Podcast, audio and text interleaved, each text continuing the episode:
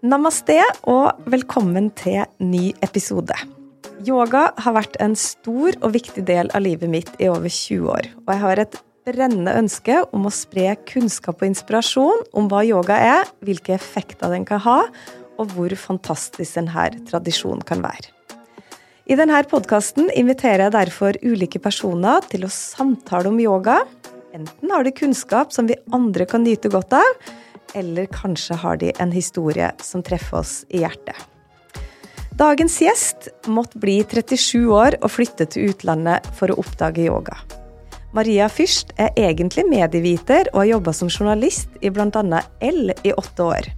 Men i dag så er hun fulltids yogalærer, driver yogastudioet Aya Yoga på Lilleaker og har gitt ut boka 'Yoga din vei til balanse, flyt og styrke'. Og jeg er så utrolig glad for å ha Maria sammen med meg i dag. Velkommen, Maria. Tusen takk.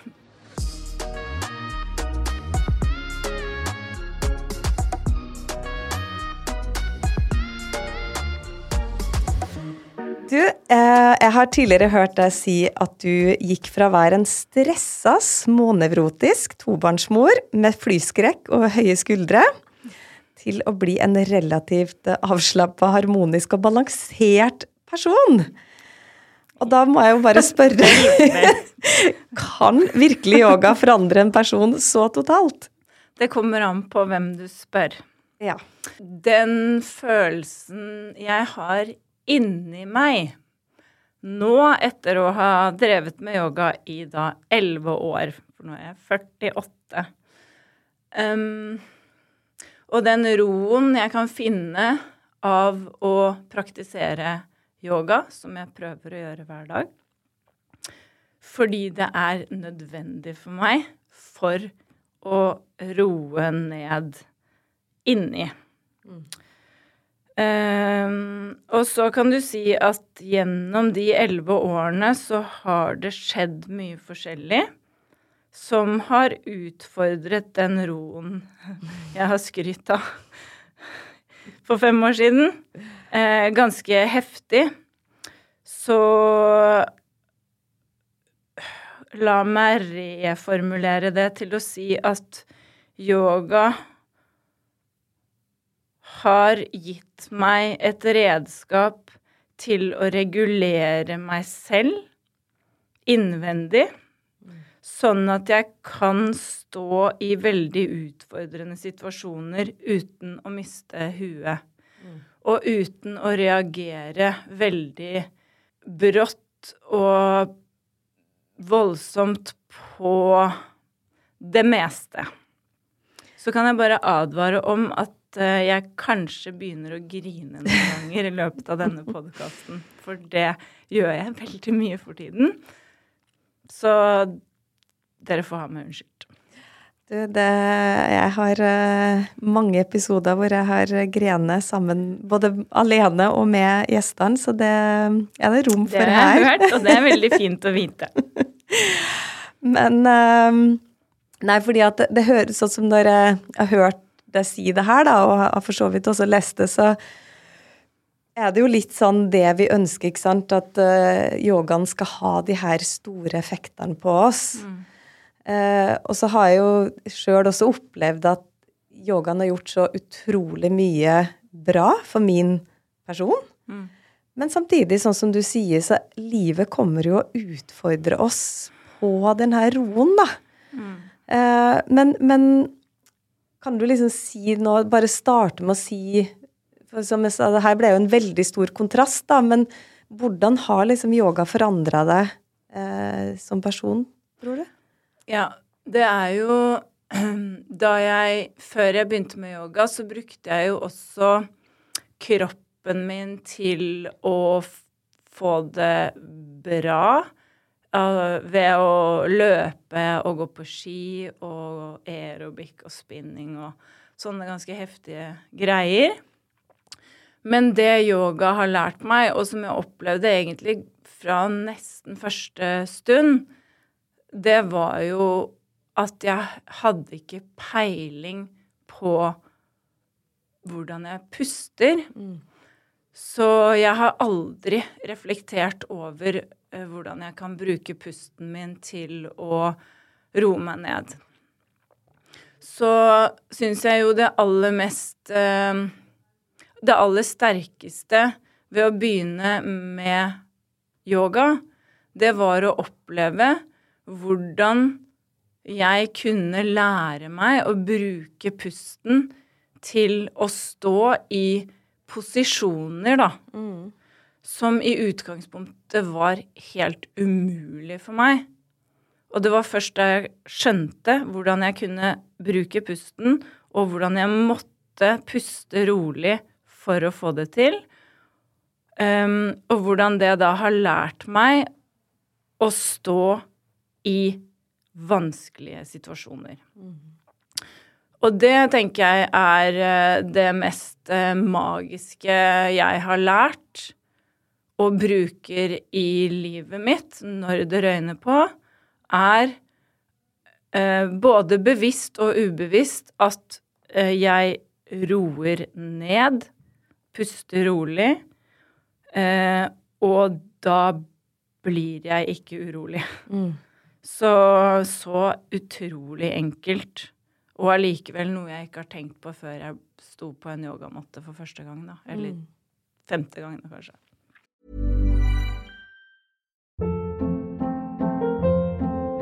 Hold up. What was that? Boring. No flavor. That was as bad as those leftovers you ate all week. Kiki Palmer here, and it's time to say hello to something fresh and guilt-free. Hello Fresh. Jazz up dinner with pecan-crusted chicken or garlic butter shrimp scampi. Now that's music to my mouth. Hello Fresh. Let's get this dinner party started. Discover all the delicious possibilities at hellofresh.com. Men eh, fortell om uh, din uh, første opplevelse på yogamatta. Da. For du, du, var jo egentlig ganske voksen første gang du prøvde yoga. Ja, jeg var kjempevoksen. Føler egentlig ikke at jeg er voksen ennå, men kanskje begynner å bli det nå.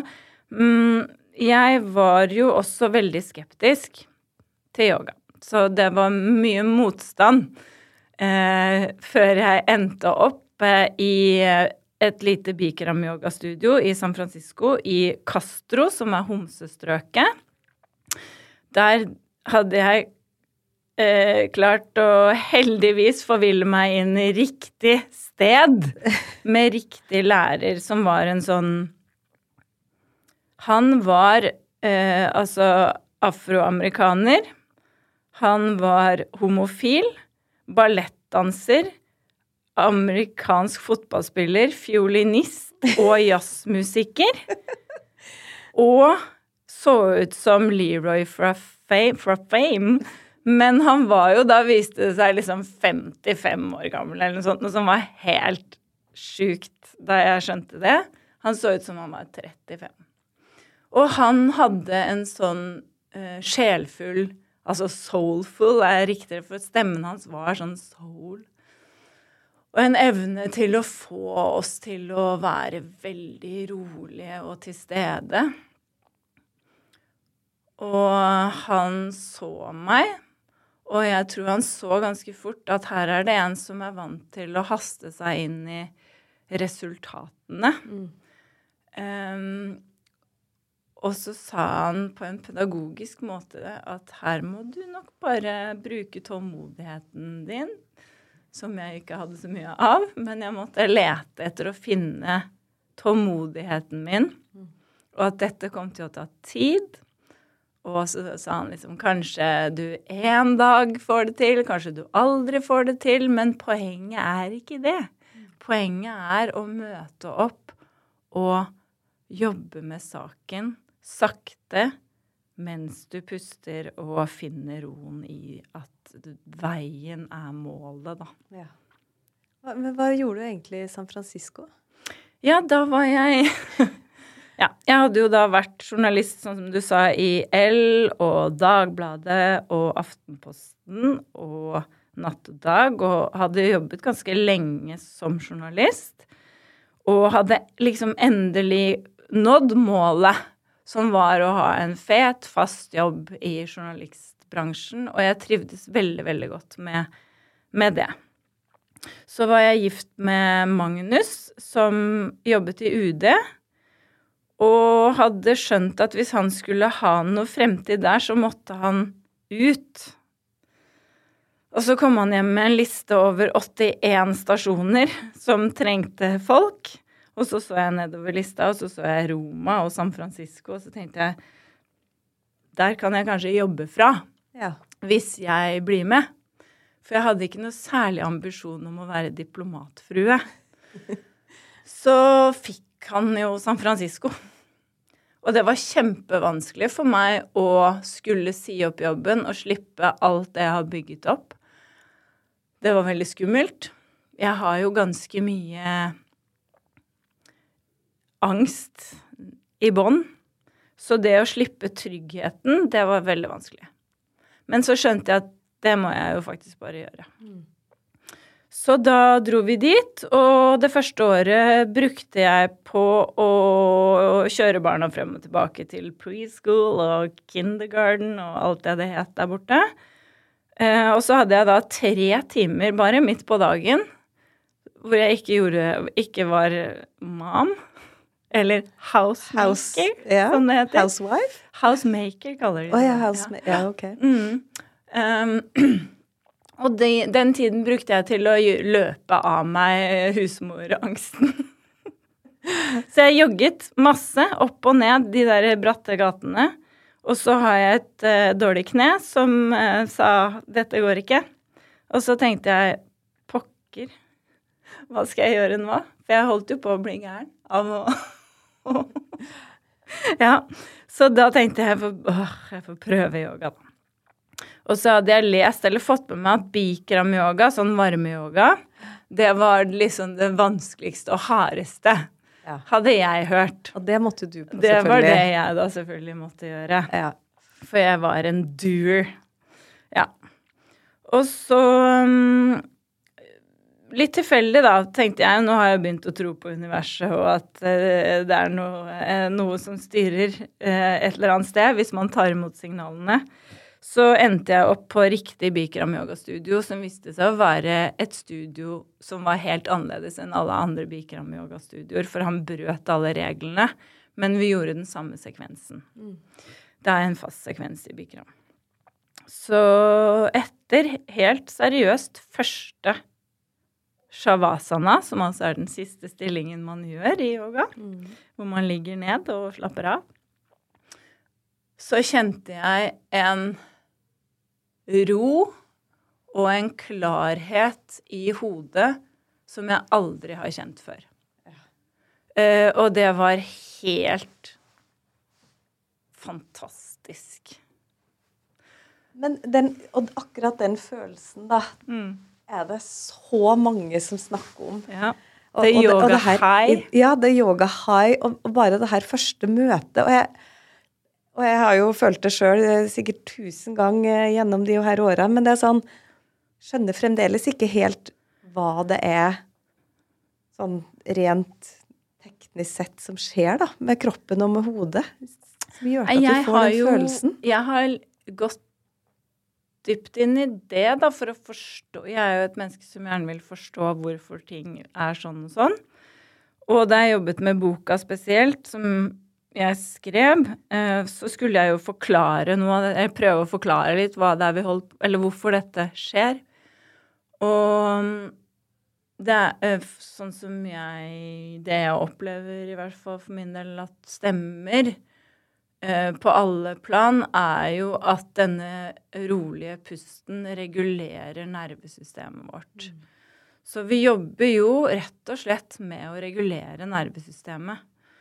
um, når vi gjør disse vanskelige tingene, utsetter kroppen vår for stress det, Ikke sant? Vi påfører kroppen stress for å mestre stresset i hver stilling. Og så er det pusten og hvordan vi puster som får oss til å stå i det. Eh, og så er det jo den siste stillingen, shavasana, som jo skal på en måte ta oss ned og roe oss helt etter alt det vi har gjort. um, av strabasiøse ting, liksom. Som jo jeg liker med yoga, da. Å gjøre litt sånn vanskelige, harde greier. Så det er i hvert fall min forklaring, eller det som appellerer mest til meg, er at vi har på en måte regulert nervesystemet. En venninne av meg, Ingalill, hun kaller det å Hva er det hun kaller det for noe? Å skylle nervesystemet. Hver gang vi, hver gang vi gjør yoga, så skyller vi nervesystemet. Rense. ja. Men det var jo ikke så lenge etter at du da hadde vært på disse her Bikram-timene, at du bestemte deg for å bli yogalærer. ja. Altså, hva skjedde da? At du tok det så langt? Nei, ja, det var jo um, For det første så var det uh, Jeg ble jo totalt hekta. Og Bikram-yoga tar 90 minutter, og det er dusjing og våte håndklær, og det er mye styr, så det tar mye tid.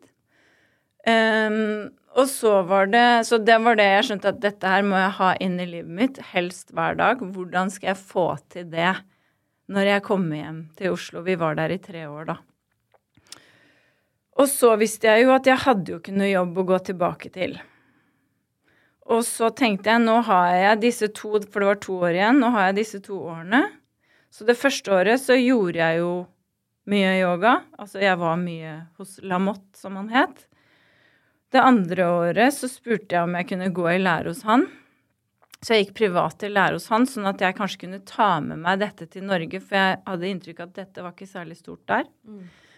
Um, og så skjønte jeg jo at jeg hadde et eller annet talent, da.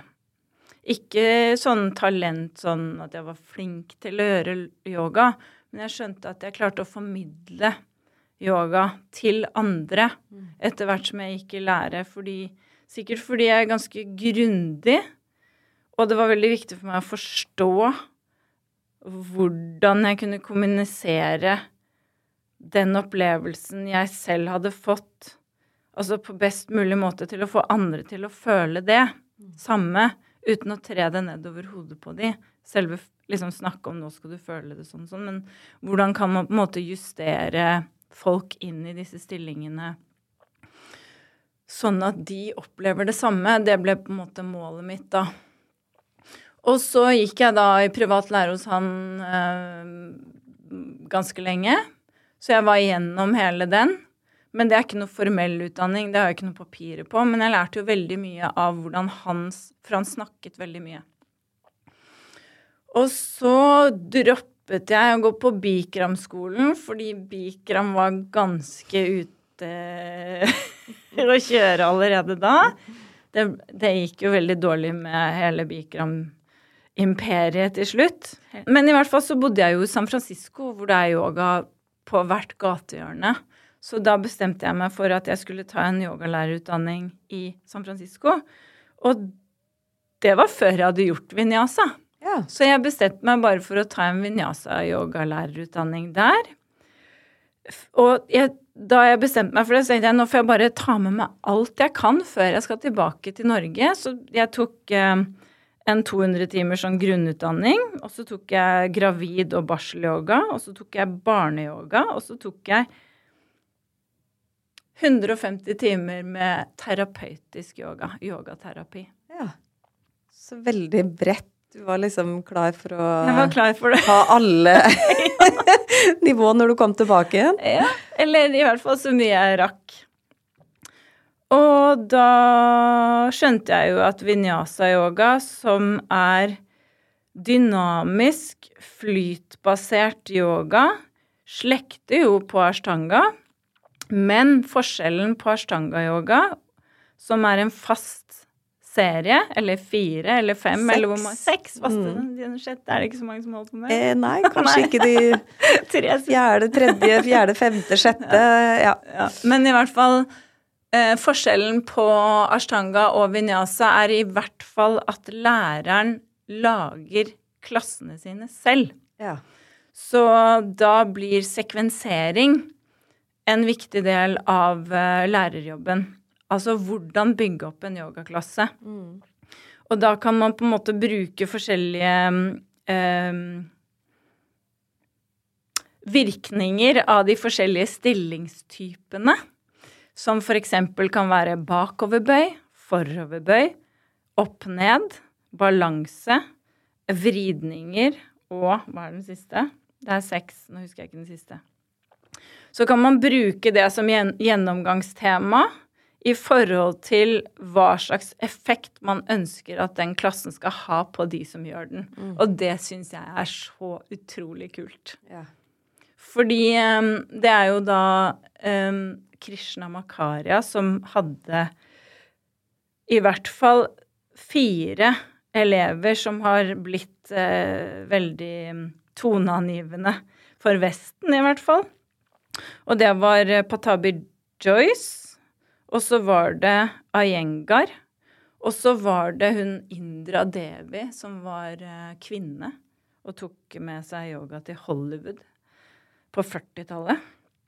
Og så var det Desika Shar, som er sønnen til Krishna Makarya, som vel egentlig regnes for å være vinyasa-opprinnelsen, da. Bortsett fra at uh, Ashtanga yoga heter jo ashtanga vinyasa yoga. Mm. Og vinyasa betyr jo egentlig å koble pust og bevegelse. Mm. Så den koblingen av pust og bevegelse gir jo denne flow-yogaen, hvor man flyter igjennom og gjør yogaen dynamisk. Mm.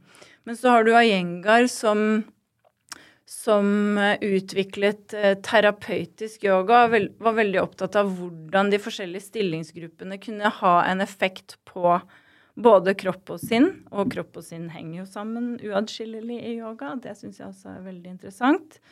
Um, men at f.eks.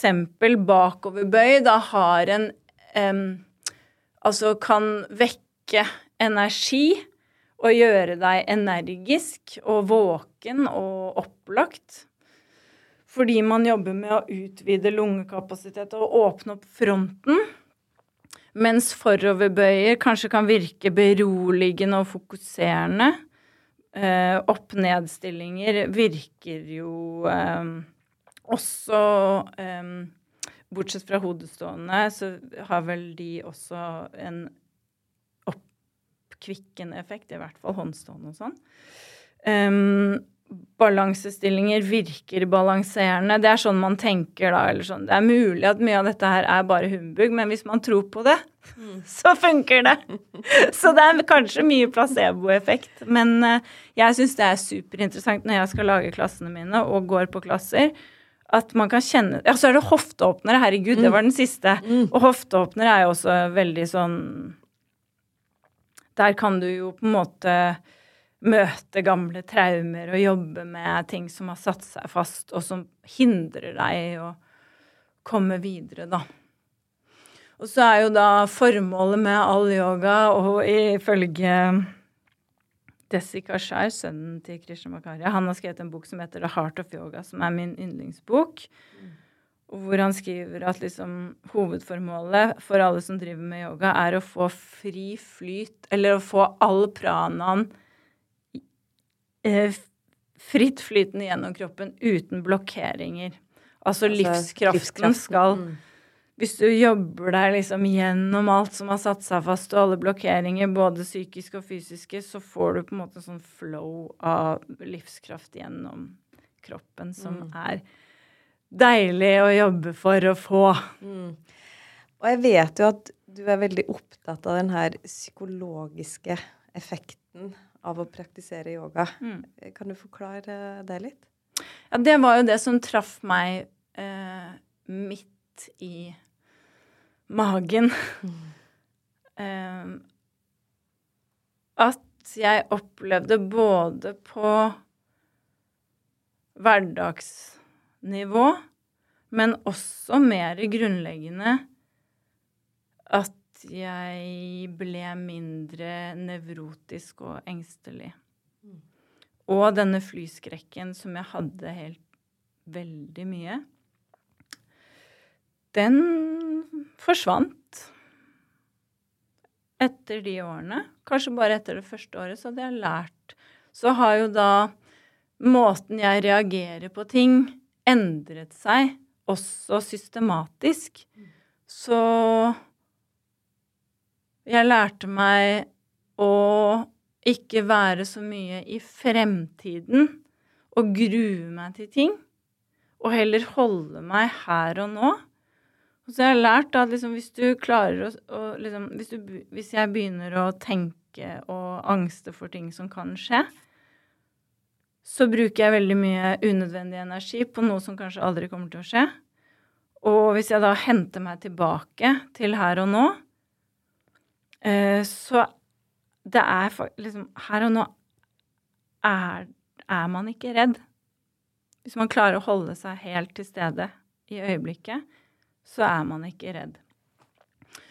Um, og det er jo noe jeg har lært gjennom å stå i noen av de stillingene som utfordrer uh, frykt, da. Som bare fokuserer på å være i det her og nå, puste rolig. Her og nå, her og nå.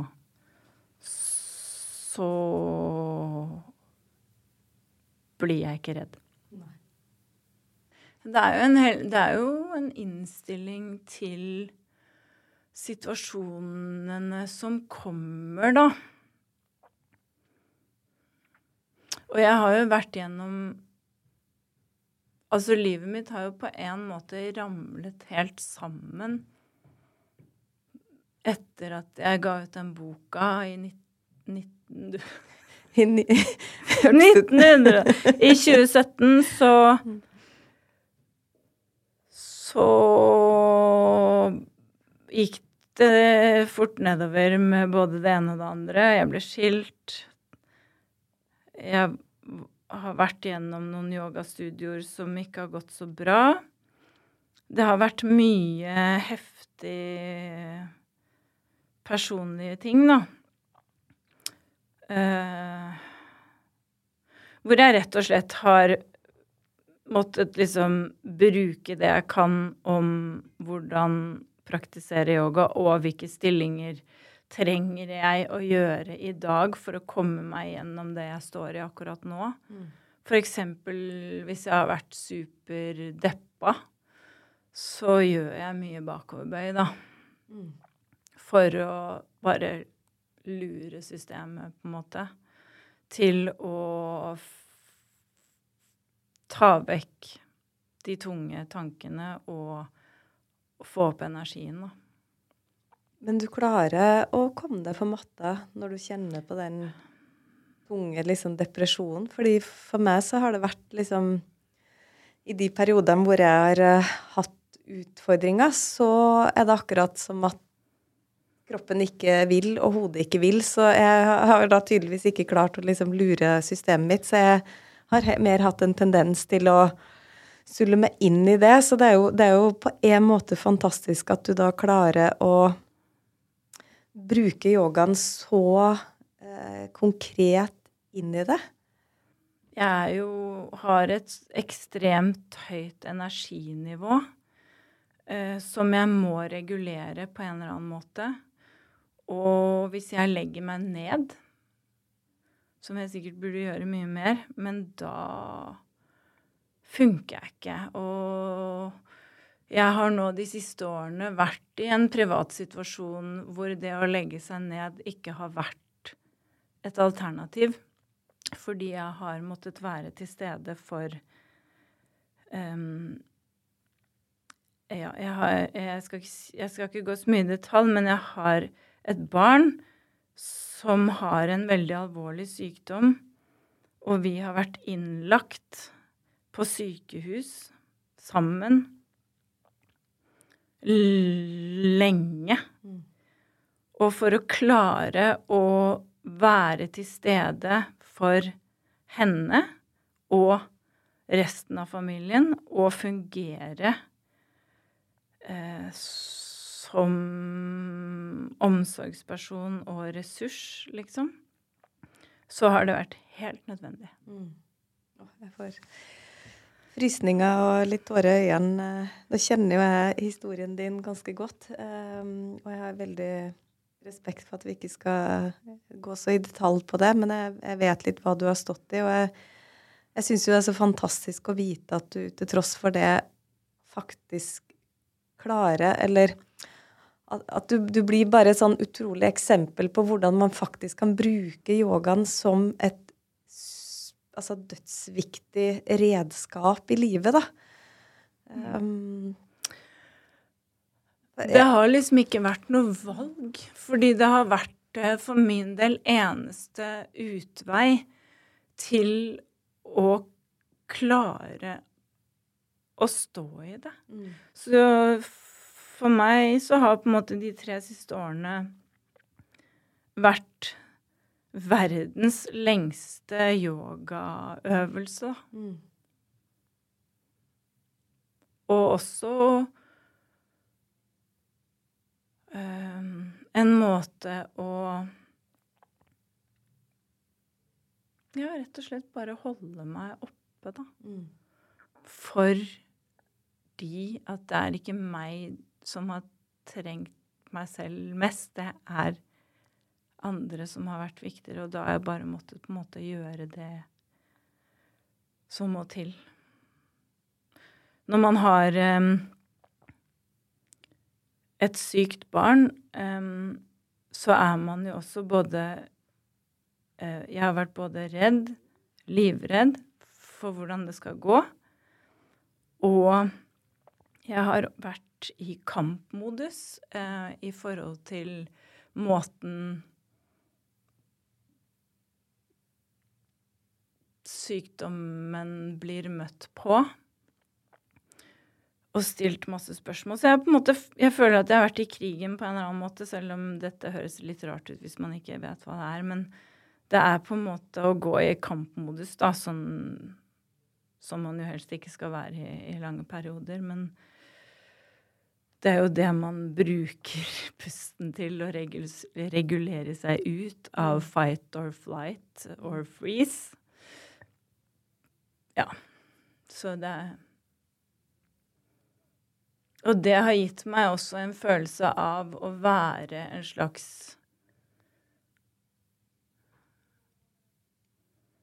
uh, superhelt. Mm.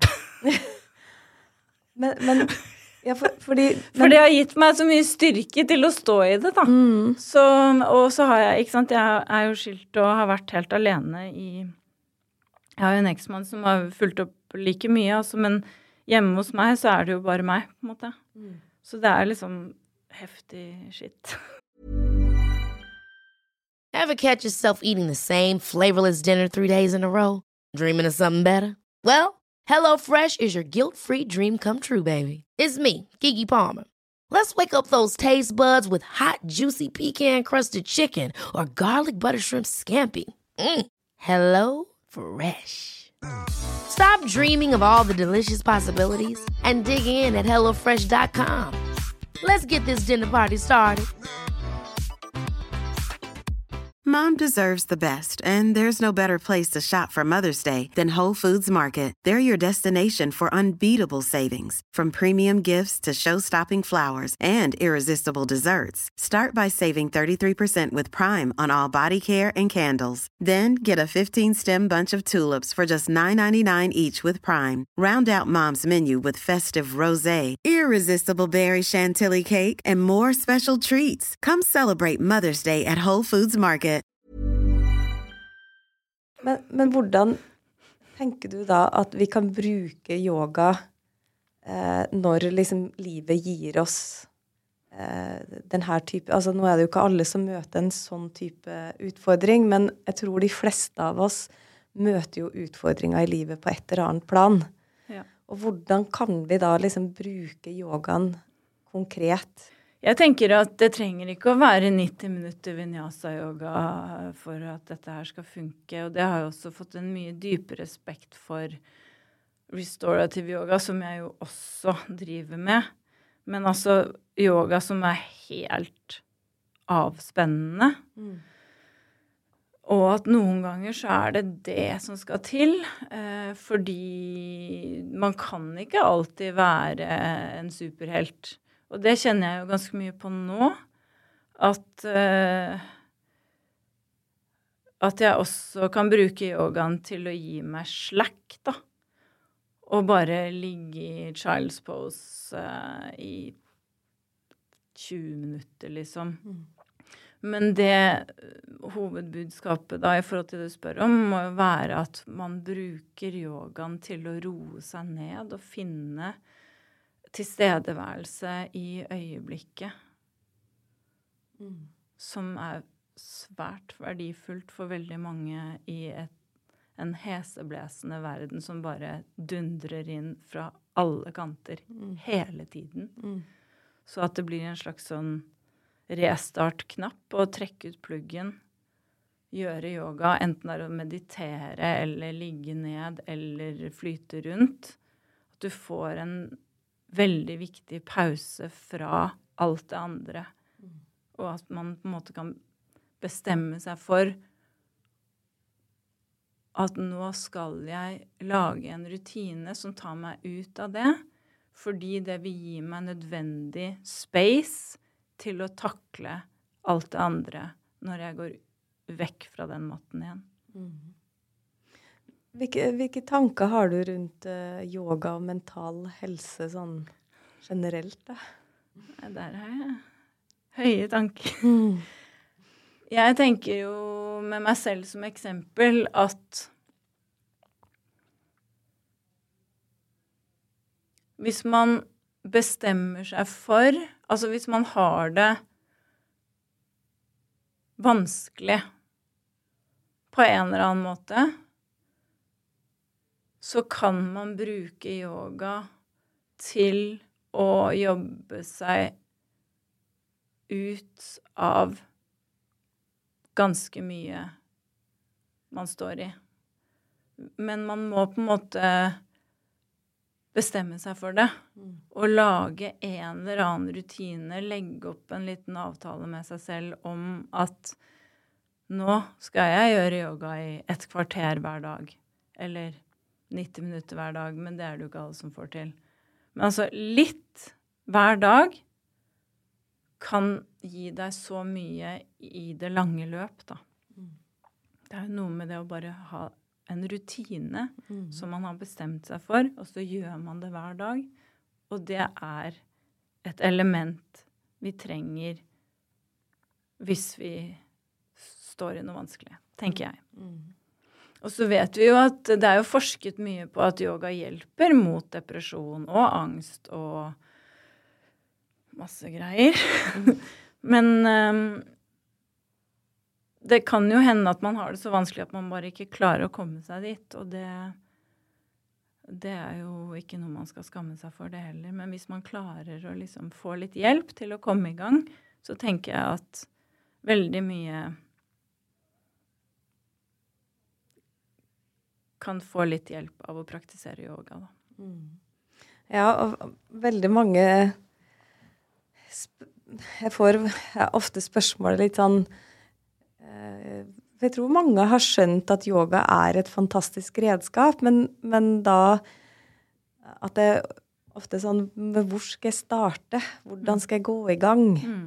Det syns jeg alltid er litt vanskelig å gi et råd på. Fordi, og spesielt da hvis man står i noe utfordrende, eller at man har eh, altså, psykisk, dårlig psykisk helse, da, så vil jo det å skulle på en måte ja, men bare rulle ut matta, gjøre noe eller skape en rutine, så tror jeg mange tenker ja, men hva, hva skal jeg gjøre? Hva kan jeg gjøre? Jeg, jeg tror det kommer litt an på hva slags person du er. For meg var det jo viktig å gjøre en yogaform som jeg kjente at var utfordrende fysisk. Fordi sånn er jeg. Og jeg kan helt ærlig si at litt sånn rolig yoga, sånn mild, myk yoga, det funker ikke for meg. Så jeg er litt sånn ekstrem, ikke sant. Så da er det enten heftig vinyasa-yoga eller ashtanga eller bikram eller altså noe som måte er fysisk utfordrende. Eller så er det restorative yoga hvor man bare ligger i støttede stillinger i typ 15 minutter i hver stilling.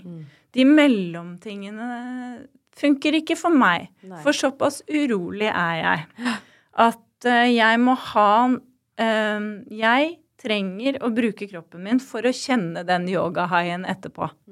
Den kommer ikke av at jeg har gjort nesten ingenting. Nei. Men mange er jo helt annerledes enn det. Og mange som kommer på yogastudioet vårt, er det altfor heftig å begynne med mine klasser. Og da kan man jo bli skremt. 'Å nei, yoga er ikke noe for meg', og 'dette her skjønner jeg ingenting av'. Her er det altfor mye informasjon, også verbalt, eksempel, da. Så man bare liksom orker jo ikke. Så da tenker jeg at eh, det fins jo så mange yogaformer, og jeg liker jo de studioene som vi prøver å ha på Aya Yoga, som jeg eh, er en del av. Eh, og driver sammen med noen andre. Bare sånn at det er sagt, jeg driver ikke det alene. Men um, uh, Vi prøver jo å tilby veldig mange forskjellige typer yoga, nettopp fordi at alle skal finne sin greie. Mm. Og vi har jo også senioryoga og mindful yoga og andre sånne rolige, mye enklere måter å møte yoga på hvis man trenger en litt rolig innfallsvinkel for å skjønne hva man faktisk Hvor er hendene mine? Hvor er føttene mine? Hva er greia? Liksom, det tar jo litt tid å bli kjent med kroppen sin på en sånn finmotorisk måte som man trenger for å gjøre yoga, da. Mm. Så Men kanskje et tips, hvis man skal liksom tipse noen som er interessert i å begynne med yoga, kan jo være å gå på et studio og spørre, liksom. Sånn er jeg.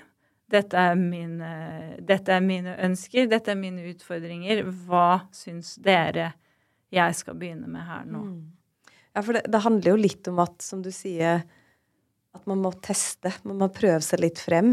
Mm. Eh, og så er det jo ikke alltid sånn at de som er superenergiske personer, nødvendigvis blir tiltrukket av eh, fysiske former heller. Kanskje Nei. de nettopp trenger en roligere form. ikke sant? Det, det, folk er så forskjellige, da. Ja.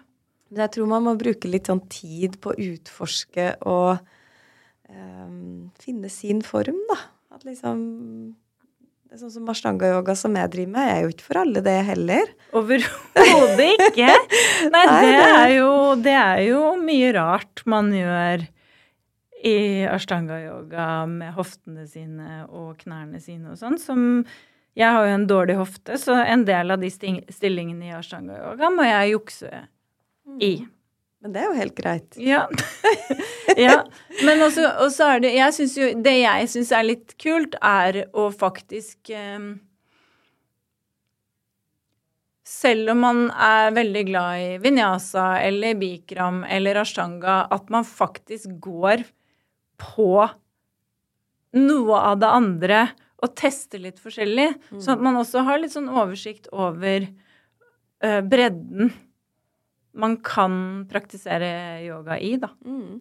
Ja, og så handler det jo litt om at eh, i forhold til hvor man er i livet òg, da, at, at, i perioder så eh, kanskje yin-yoga er det beste der og da, og så det merker jeg jo at Eller sett sånn i retrospekt, så tenker jeg at jeg kunne hatt en fordel med å kanskje gå ut av mønsteret mitt med ashtanga-yoga. Og i perioder, og da, da, spesielt ikke sant, sånn som jeg hadde prolaps, så burde jeg gjort en, en annen Nå gjorde jeg jo ikke ashtanga, for jeg klarte ikke å bevege meg i det hele tatt. Men da gikk jeg liksom helt tilbake til scratch og satt for det meste bare og pusta og jobba med banda og liksom.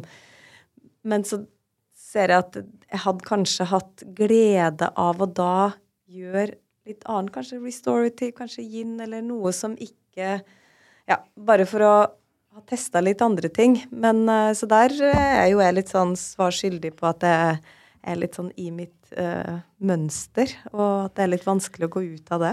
Jo, men jeg syns også det skal være ja, Det må også være lov, fordi det er så lett å synes om hva andre skal gjøre, og liksom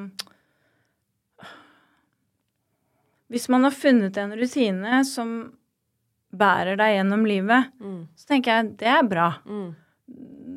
Da, skal, da, trenger ikke noen andre å komme og si at du burde jo gjøre litt inn også, eller ja, At man på en måte Etter hvert så finner man jo, i hvert fall du som holdt på i 20 pluss år, liksom Du har jo testa masse ting. Mm. Og så har du funnet det som funker for deg. Og så har jeg funnet det som funker for meg, og så er yoga syns jo jeg skal være bredt og åpent og yd... I hvert fall de forskjellige grenene skal være ydmyke i forhold til hverandre, og ikke drive og snakke Altså, jeg syns jo også at Bikram er jo uglesett, og det syns jeg er liksom, Det er greit at han som fant på Bikram-yoga, er en gjøk. Men selve sekvensen er veldig deilig. Og så jeg syns heller ikke man skal liksom slamme Bikram-folka, da. Fordi jeg tenker at for hver eneste person som gjør yoga på en eller annen måte, så blir verden litt bedre. Så naivt og teit som det høres ut, så tenker jeg at hvis alle hadde på en måte alle som går rundt og er sinte og aggressive og hisser seg opp over alt mulig rart og klager på andre mennesker, hvis de hadde gått litt mer i seg selv og jobbet litt mer med sine egne reaksjonsmønstre og forstå dybden av hvem de er, så hadde jo faktisk verden blitt litt bedre.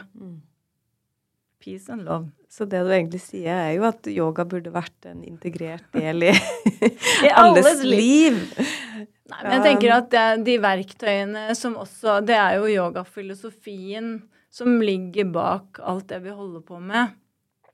Og du kan lære så innmari mye om deg selv av å møte deg selv på matten, og hvorfor du reagerer som du gjør i å skulle få til det du prøver på.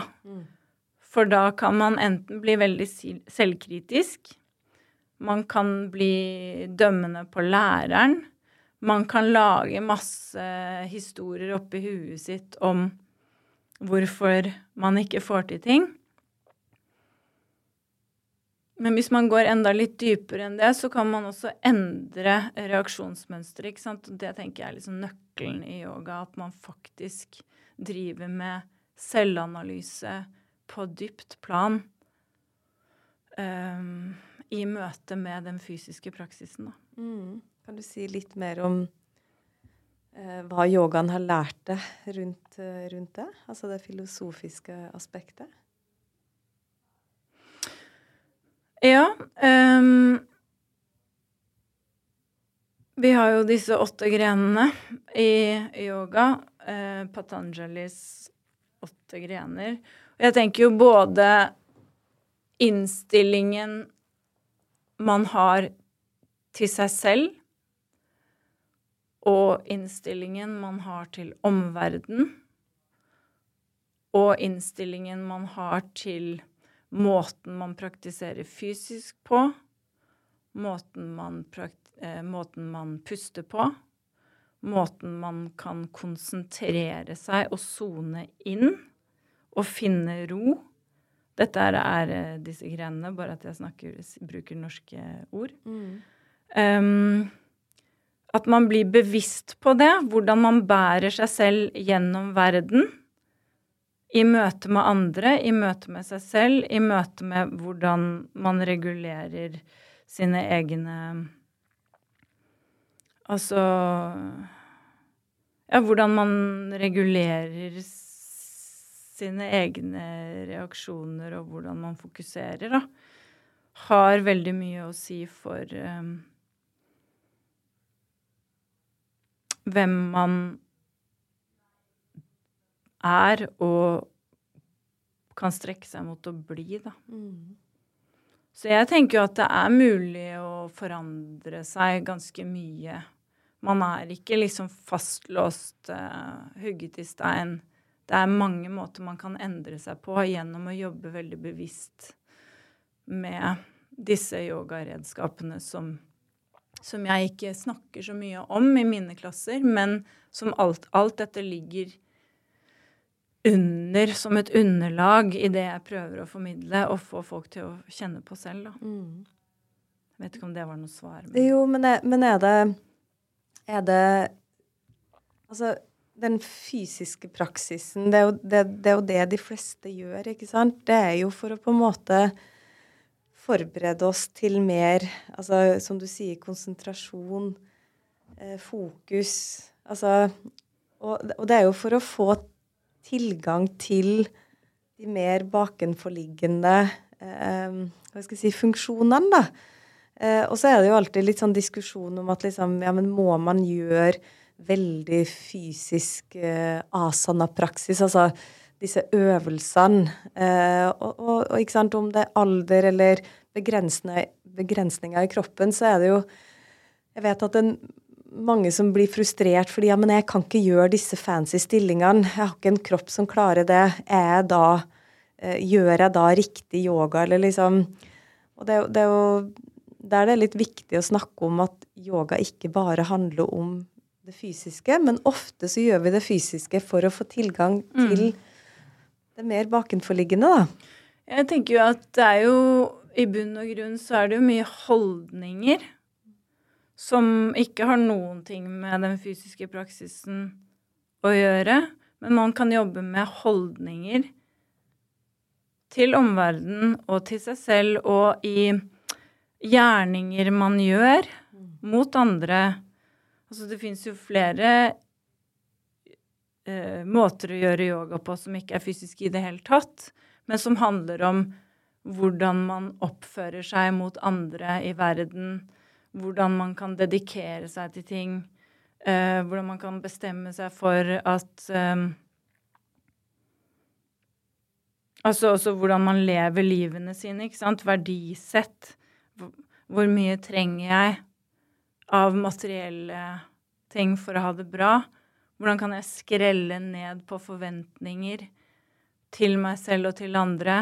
Hvordan kan jeg på en måte justere um, innfallsvinkelen til livet mitt og finne mer ro og fred inni meg, som også vil være bra for andre rundt. Det, det tenker jeg mye på. Mm. Uh, hvordan kan jeg på en måte bli mindre oppfarende og reaktiv i forhold til menneskene rundt meg, og hvordan det vil føre til en endring uh, i vårt lille liv, da. Uh, som jo jeg trenger ofte da den fysiske praksisen for å komme til den roen, men man kan også gjøre det uten gjøre en eneste vinyasa eller solhilsen eller mm. Men er, ja, så my, mye av det handler jo om innstilling, holdning og hvordan man bærer seg selv og andre mm. i verden og livet. Men nå har du jo holdt på ganske lenge med yoga. Hvordan har liksom yogaen forandra seg hos deg, tenker du? Jeg er blitt mindre opptatt av å få til ting. Mm. Um, og det er ikke så viktig for meg. Og jeg, kom, jeg, har liksom forsonet meg med at jeg har en skulder som ikke funker, jeg har en hofte som ikke funker til å gjøre crazy ting, da. Og håndstående kommer jeg sikkert aldri til å holde fritt i rommet, og samme av det. Mm. Fordi um, det er jo ikke det det handler om. Det er jo ikke en kunstform, på en måte. Det skal ikke syns eller konkurreres i. Um, men at jeg Sånn som i dag morges så jeg, sov jeg litt lenge, og så tenkte jeg liksom nå må jeg få gjort noe. Så jeg gikk på matta, gjorde en praksis. Det er alltid veldig stor forskjell på før og etter, uansett hva jeg gjør. Mm. Nettopp fordi pustebiten er så viktig. Og så lenge jeg får liksom et rom hvor jeg kan puste rolig, bare sone inn, prøve å legge fra meg alt annet som foregår, være der litt, så føler jeg meg så mye mer eh, i vater etterpå. Mm. Og det vet jeg jo at f.eks. moren min har jo hatt en meditasjonspraksis hvor hun Det har reddet henne fra masse greier i en vanskelig periode i hennes liv, da. Mm. Og det er jo å sitte ned, liksom. Mm. Mom deserves the best, and there's no better place to shop for Mother's Day than Whole Foods Market. They're your destination for unbeatable savings, from premium gifts to show-stopping flowers and irresistible desserts. Start by saving 33% with Prime on all body care and candles. Then get a 15-stem bunch of tulips for just $9.99 each with Prime. Round out Mom's menu with festive rosé, irresistible berry chantilly cake, and more special treats. Come celebrate Mother's Day at Whole Foods Market. Men hvordan, eh, hvordan balanserer du yoga og livet, egentlig? Altså Jeg har jo personlig har jo vært veldig opptatt av å eh, på en måte finne den her riktige balansen, fordi eh, det er jo lett for at man blir dratt helt ut i en ytterkant. Jeg hadde barn da jeg starta med yoga, så jeg har aldri hatt liksom muligheten til å bare konsentrere meg om meg sjøl. Eh, jeg er opptatt av å leve et sosialt liv. Jeg har en mann som ikke driver med yoga. Så det er sånn Mm. Så jeg har nå funnet min balanse. Hvordan eh, vil du si at din balanse er? Ja, nei, den har jo Der har jo jeg litt sånn skyldfølelse, da, på vegne av resten av gjengen min. Mm. Fordi da jeg fant yoga, så ble det så viktig for meg, fordi jeg kjente inni meg at dette må jeg drive med. Uh, og dette må jeg gjøre hver dagen ish for at det skal For at jeg skal funke på best mulig måte, da. Og så da jeg kom hjem fra San Francisco, så hadde jeg jo bestemt meg for å starte opp. Og det er sikkert litt sånn Steinerskolen-mentalitet. Ja ja, jeg bare starter noe selv. Det var ikke Jeg hadde ikke i min villeste fantasi tenkt at jeg skal begynne å jobbe på et studio. Jeg skulle komme hjem og etablere noe som ikke fantes eh, i Oslo. Eh, og det var da et rent vinyasa-sted. Og så tenkte jeg at for at jeg skal kunne leve av det, så må jeg faktisk gjøre det sjæl. Fordi eh, lønningene i yogabransjen er ikke høye nok til at man kan leve av det. Hvis man bare skal undervise. I hvert fall ikke når man har to barn og etter hvert plutselig blir alene Altså skilt, da. Så da måtte jo jeg bare stable opp eh, et helt studio på egen hånd og undervise alle klassene selv, sånn at jeg hadde oversikt over inntekter og utgifter og visste at så mye må jeg undervise for at dette skal gå rundt. Så det ble veldig mye jobbing. Og jeg jobbet kveld, helg, eh, mye. Jeg har vært mye på jobb. Barna var små. Eh, vi møtte hverandre i døra, mannen min og jeg i en lang periode. Så på en måte så har jo balansen mellom å drive med yoga, både profesjonelt og for min egen del, og å kombinere det med et familieliv, har ikke vært helt bra. Mm. Og det har jeg jo kjent masse på, liksom. Mm. Så det men for meg var det helt nødvendig for å fungere i hverdagen, da. Mm. Og for å ha en jobb. Det, ja, det, det, har vært litt heftig. Og det har uh, ført uh, med seg en del uheldige ting som jeg er lei meg for, da. Mm.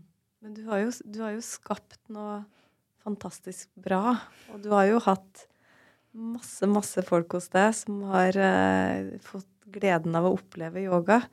Så du har jo gjort noe veldig bra også uh, i, de årene. Så det er jo ikke og, og, det er jo ikke sikkert at det er en direkte konsekvens av det heller. Men uh, så er det jo litt som du sier, jeg blir jo litt sånn rørt, fordi det sier så mye om hvor viktig yoga har blitt for deg, da. Og det vet jeg jo at yoga er for så mange andre òg. Mm.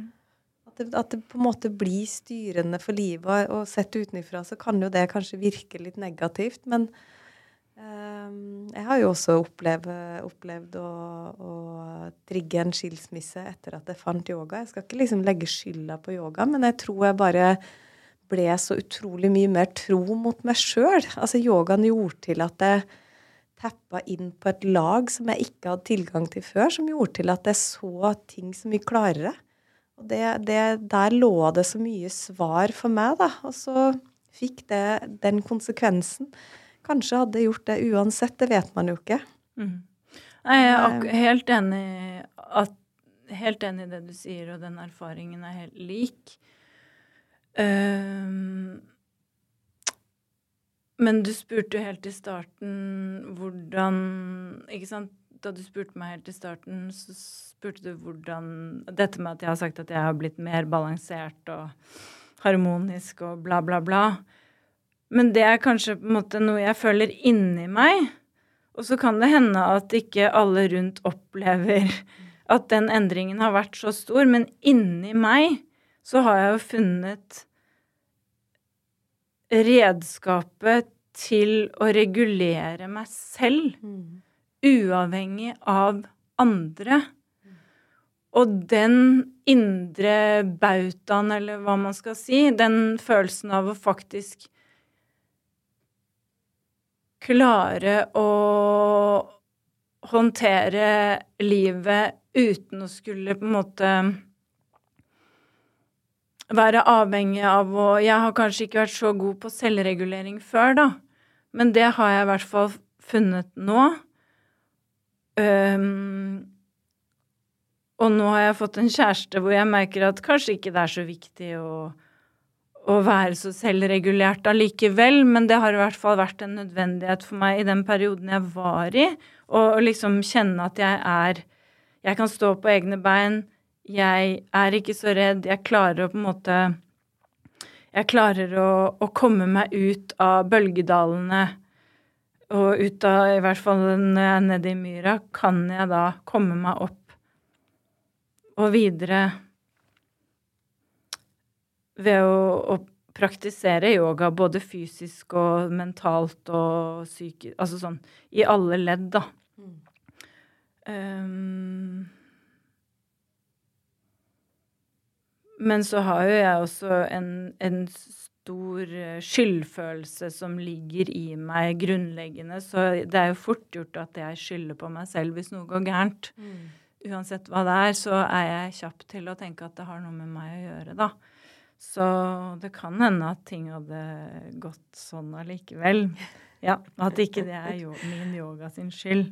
Men jo, jeg tenker jo litt på det. Eh, men jeg, ja, så jeg prøver å liksom finne en bedre balanse nå, da. Mm.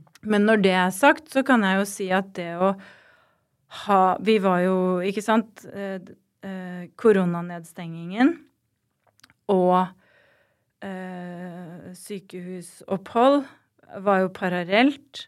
Og det å da kunne gå på yoga eller å skulle livestreame en klasse fem klasser i uka, eller hva det er jeg har gjort hele veien, det har jo også holdt meg oppe. Å faktisk ha noe å gå til. Og komme meg litt ut. Og det å vite at jeg hjelper andre mennesker til å få det bedre i sine liv, er jo en helt ubetalelig følelse oppå at jeg hjelper meg selv. Mm. Jeg får lyst til å spørre deg, hva, hva, er du takknemlig for i livet akkurat nå? Du har jo stått i mye de siste årene. Klarer du å på en måte um, se Ja, um, jeg er um,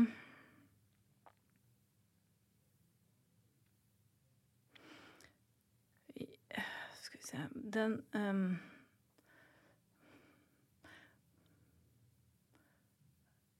det med lykke har aldri vært et eh, begrep som har truffet meg så godt, fordi hva er det å være lykkelig, liksom? Jeg har liksom ikke higet så veldig etter en sånn lykkefølelse.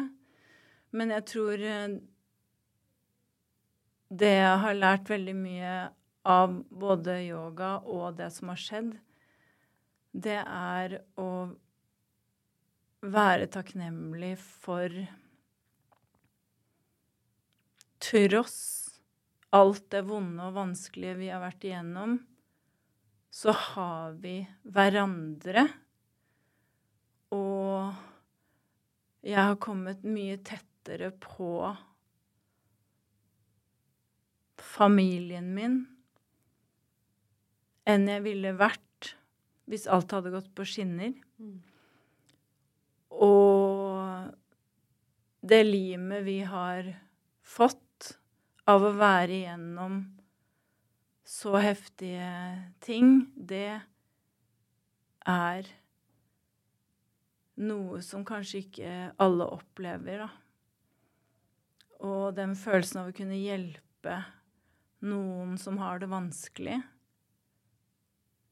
på en veldig grunnleggende måte, det er utrolig verdifullt.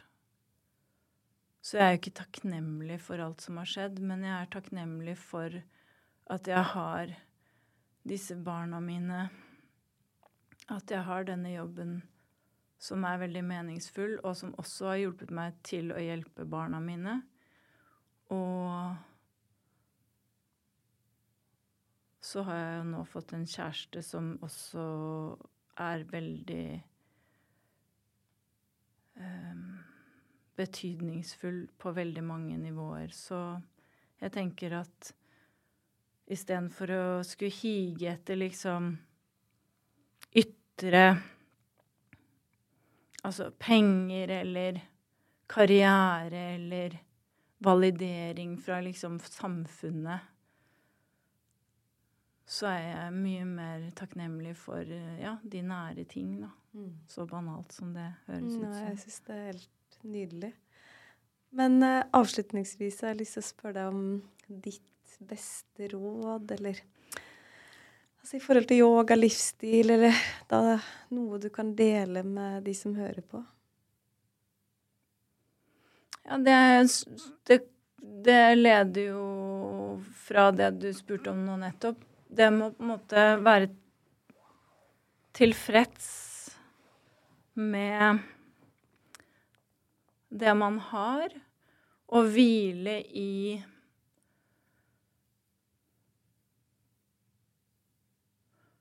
vissheten om at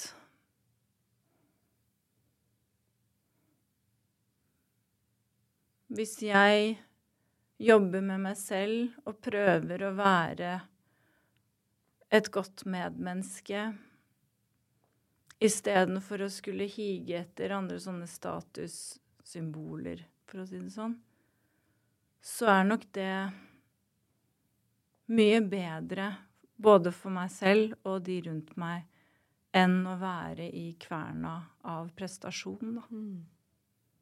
Så det å slippe litt prestasjoner mm. det prestasjonsbaserte samfunnet vi lever i, trenger en liten påminnelse om det. Ja, det er jo den uh, her og nå. Mm. De små øyeblikkene De små, gode øyeblikkene som forhåpentligvis ja, er meningen med livet, da. Mm. Så sone inn på det. Tusen takk. Det skal jeg ta med meg videre ut i dagen. Det er lett å glemme de her små tingene nå. Uh, tusen hjertelig takk for at du hadde lyst til å dele, Maria. Jeg vet uh, du har en stor fanklubb der ute som elsker timene dine, og som elsker deg som yogalærer. Så jeg tror du Hvis jeg kan ta, gi deg et tips tilbake, så er det å ta med deg det. Tusen takk. Det er jo kjempefint å bli minnet på. Mm. Jeg er jo veldig glad i elevene mine, eller hva skal vi si. Og at jeg har liksom klart å få meg en jobb som gir meg så mye tilbake. Og ikke noe stress og nerver, for det som er så fint med yoga, er at det er umiddelbart. Så det er det som skjer i klassen, og så er det ferdig. Og så får man en ny sjanse dagen etter hvis det var noe som gikk gærent. Og det er så deilig. At ikke det er tekst som man kan skjemme seg over i 100 år. Hver dag, tenkte å si, ny praksis, Mm. nye muligheter. Hver dag er forskjellig. Ja. Og så vil jeg bare si tusen takk for at jeg fikk lov til å komme hit til deg, Vibeke. Og jeg syns det er så kult å høre på podkasten din, og at du finner frem alle disse inspirerende menneskene med hver sin veldig forskjellige historier. Mm. Tusen hjertelig takk. På gjenhør. Ha det.